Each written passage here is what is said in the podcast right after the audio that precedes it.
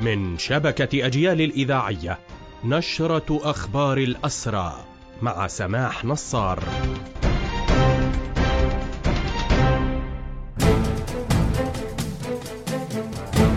أهلا ومرحبا بكم إلى هذا اللقاء حملة الاعتقالات اليومية طالت حتى صباح اليوم 45 مواطنا على الأقل من الضفة بينهم سيدتان وطفلان إضافة لأسرى سابقين ولعدد آخر من عمال قطاع غزة تم اعتقالهم من بلدة عزون في قلقيلية. الاعتقالات تركزت في رام الله والخليل وطول كرم وبيت لحم وقلقيلية وأريحة والقدس وتترافق دائما هذه الاقتحامات بال الاعتداء بالضرب الشديد على المعتقلين وعلى عائلاتهم وعلى ممتلكاتهم في منازلهم.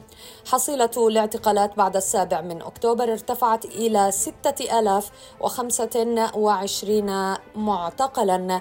تم إحصاؤهم من اعتقالات المنازل وعبر الحواجز ومن سلموا أنفسهم ومن احتجزوا كرهائن. هذا ما تشير له معطيات هيئة شؤون الأسرى والمحررين.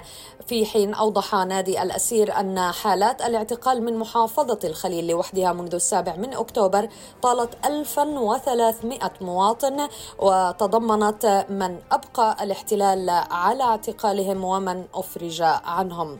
بهذا مستمعينا تنتهي هذه النشرة الخاصة بأخبار الحركة الأسيرة قدمناها لحضراتكم من راديو أجيال. تحية الحرية لأسرى الحرية وتحياتي سمح نصار والمجد والخلود لشهدائنا الأبرار.